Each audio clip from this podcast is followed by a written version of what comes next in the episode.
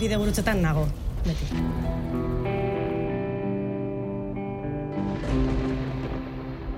Bizitza dena bide gurutzez betetako bide bat da, ez? Eta gehienetan dudatan, eta esan bezala, erabakiak hartzen dira, oraindik ere duda eukita, eta aurrera egiten dezunean jakiten duzu, erabaki hon hartu dezun edo ez. Bide gurutzean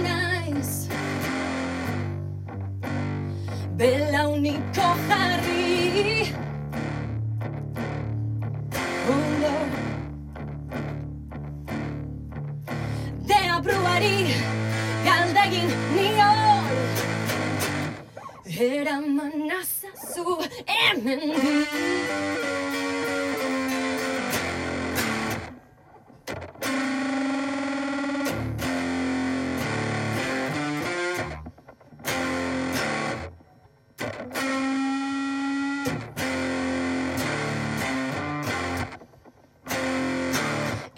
Hemendik urrun jada berdin zaimora Eskaletu non, eskaletu nondik zuretzat ez da ora Bidean taberna, erpara nahi dut zerbait eramana ora Tratu bat egin etzik ez esan, dazkatzen da denbora pandemia garai honetan nahiko argi geratu da. Kontzertuak ezin ditugunean eman, gure bizitza, artista bizitza, bakarrik erreduzitu da, zea, sare sozialen mundura. Eta hori ez da egia, ez da egia. Eta konbentzitzen bazaitu sare sozialek hori egia dela, burua galtzen amaitzen duzu. Eta gaur egun, ba, eskubide hori kendu egin digute, orduan nari masaltzen dugu egunero, ba, lanera juten eta eta diruaren truke, ba, musika ez da beste hainbat gauza egiten. Zer, gu benetan egin nahi duguna, hau da, ez? Musika jo, musika egin, estenaturitara igo,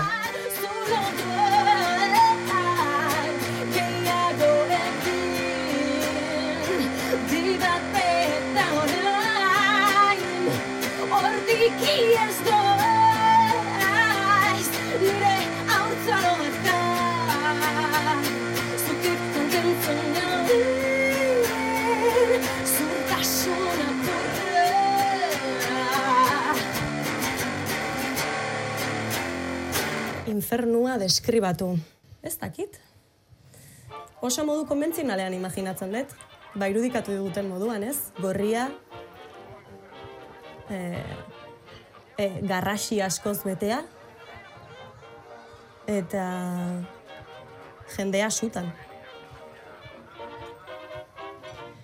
Naiz eta guk roka egin eta esan, bai, deabruarekin goaz, eta bar, eta bar, deabrua ez da zure laguna. Ez da laguna.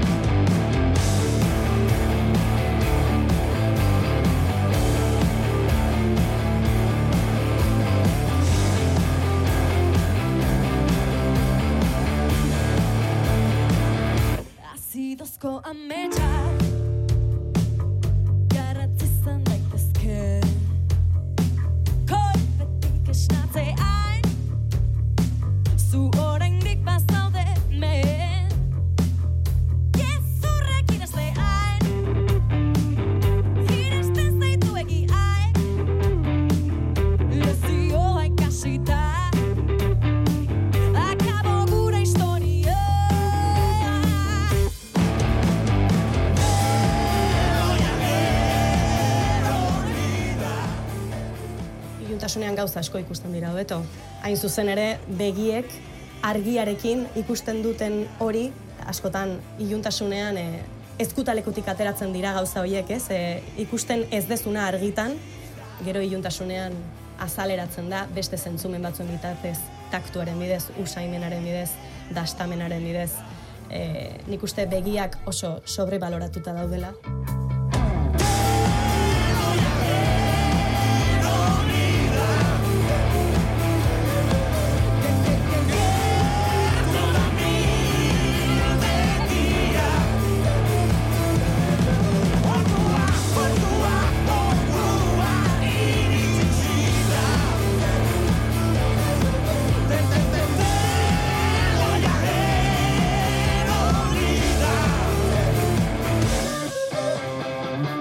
Sormenak dauka alde ilun guztia. Eta nire ustez, sormenak ez balin badu alde ilunik, ez da interesgarria. Argilunak identifikatzea da argilunak eizatzeko lehenbiziko pausua ez, eta musikak identifikazio hori egiten du edo saiatzen da. Dana zoriontasunera erreduzitzen baldin badezu, bizitzako beste gatazka guztiak e, zapalduta eta estalita geratzen dira. Ez dezu inungo lekur ikusten e, gogoetarako, gauzak aldatzeko, iraultzeko.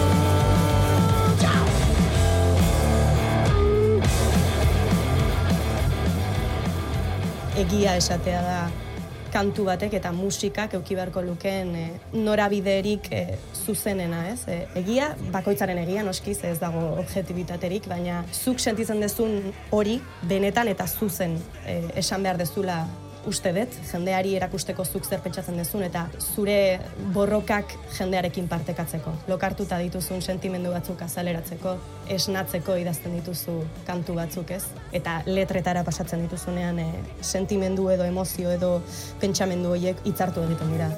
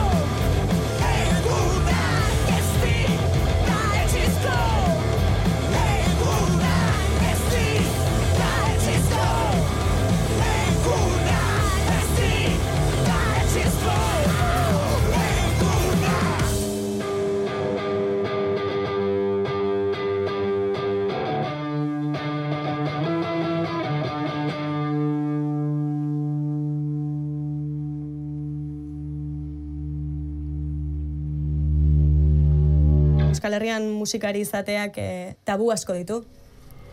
Guk geuk gure buruari jarriak.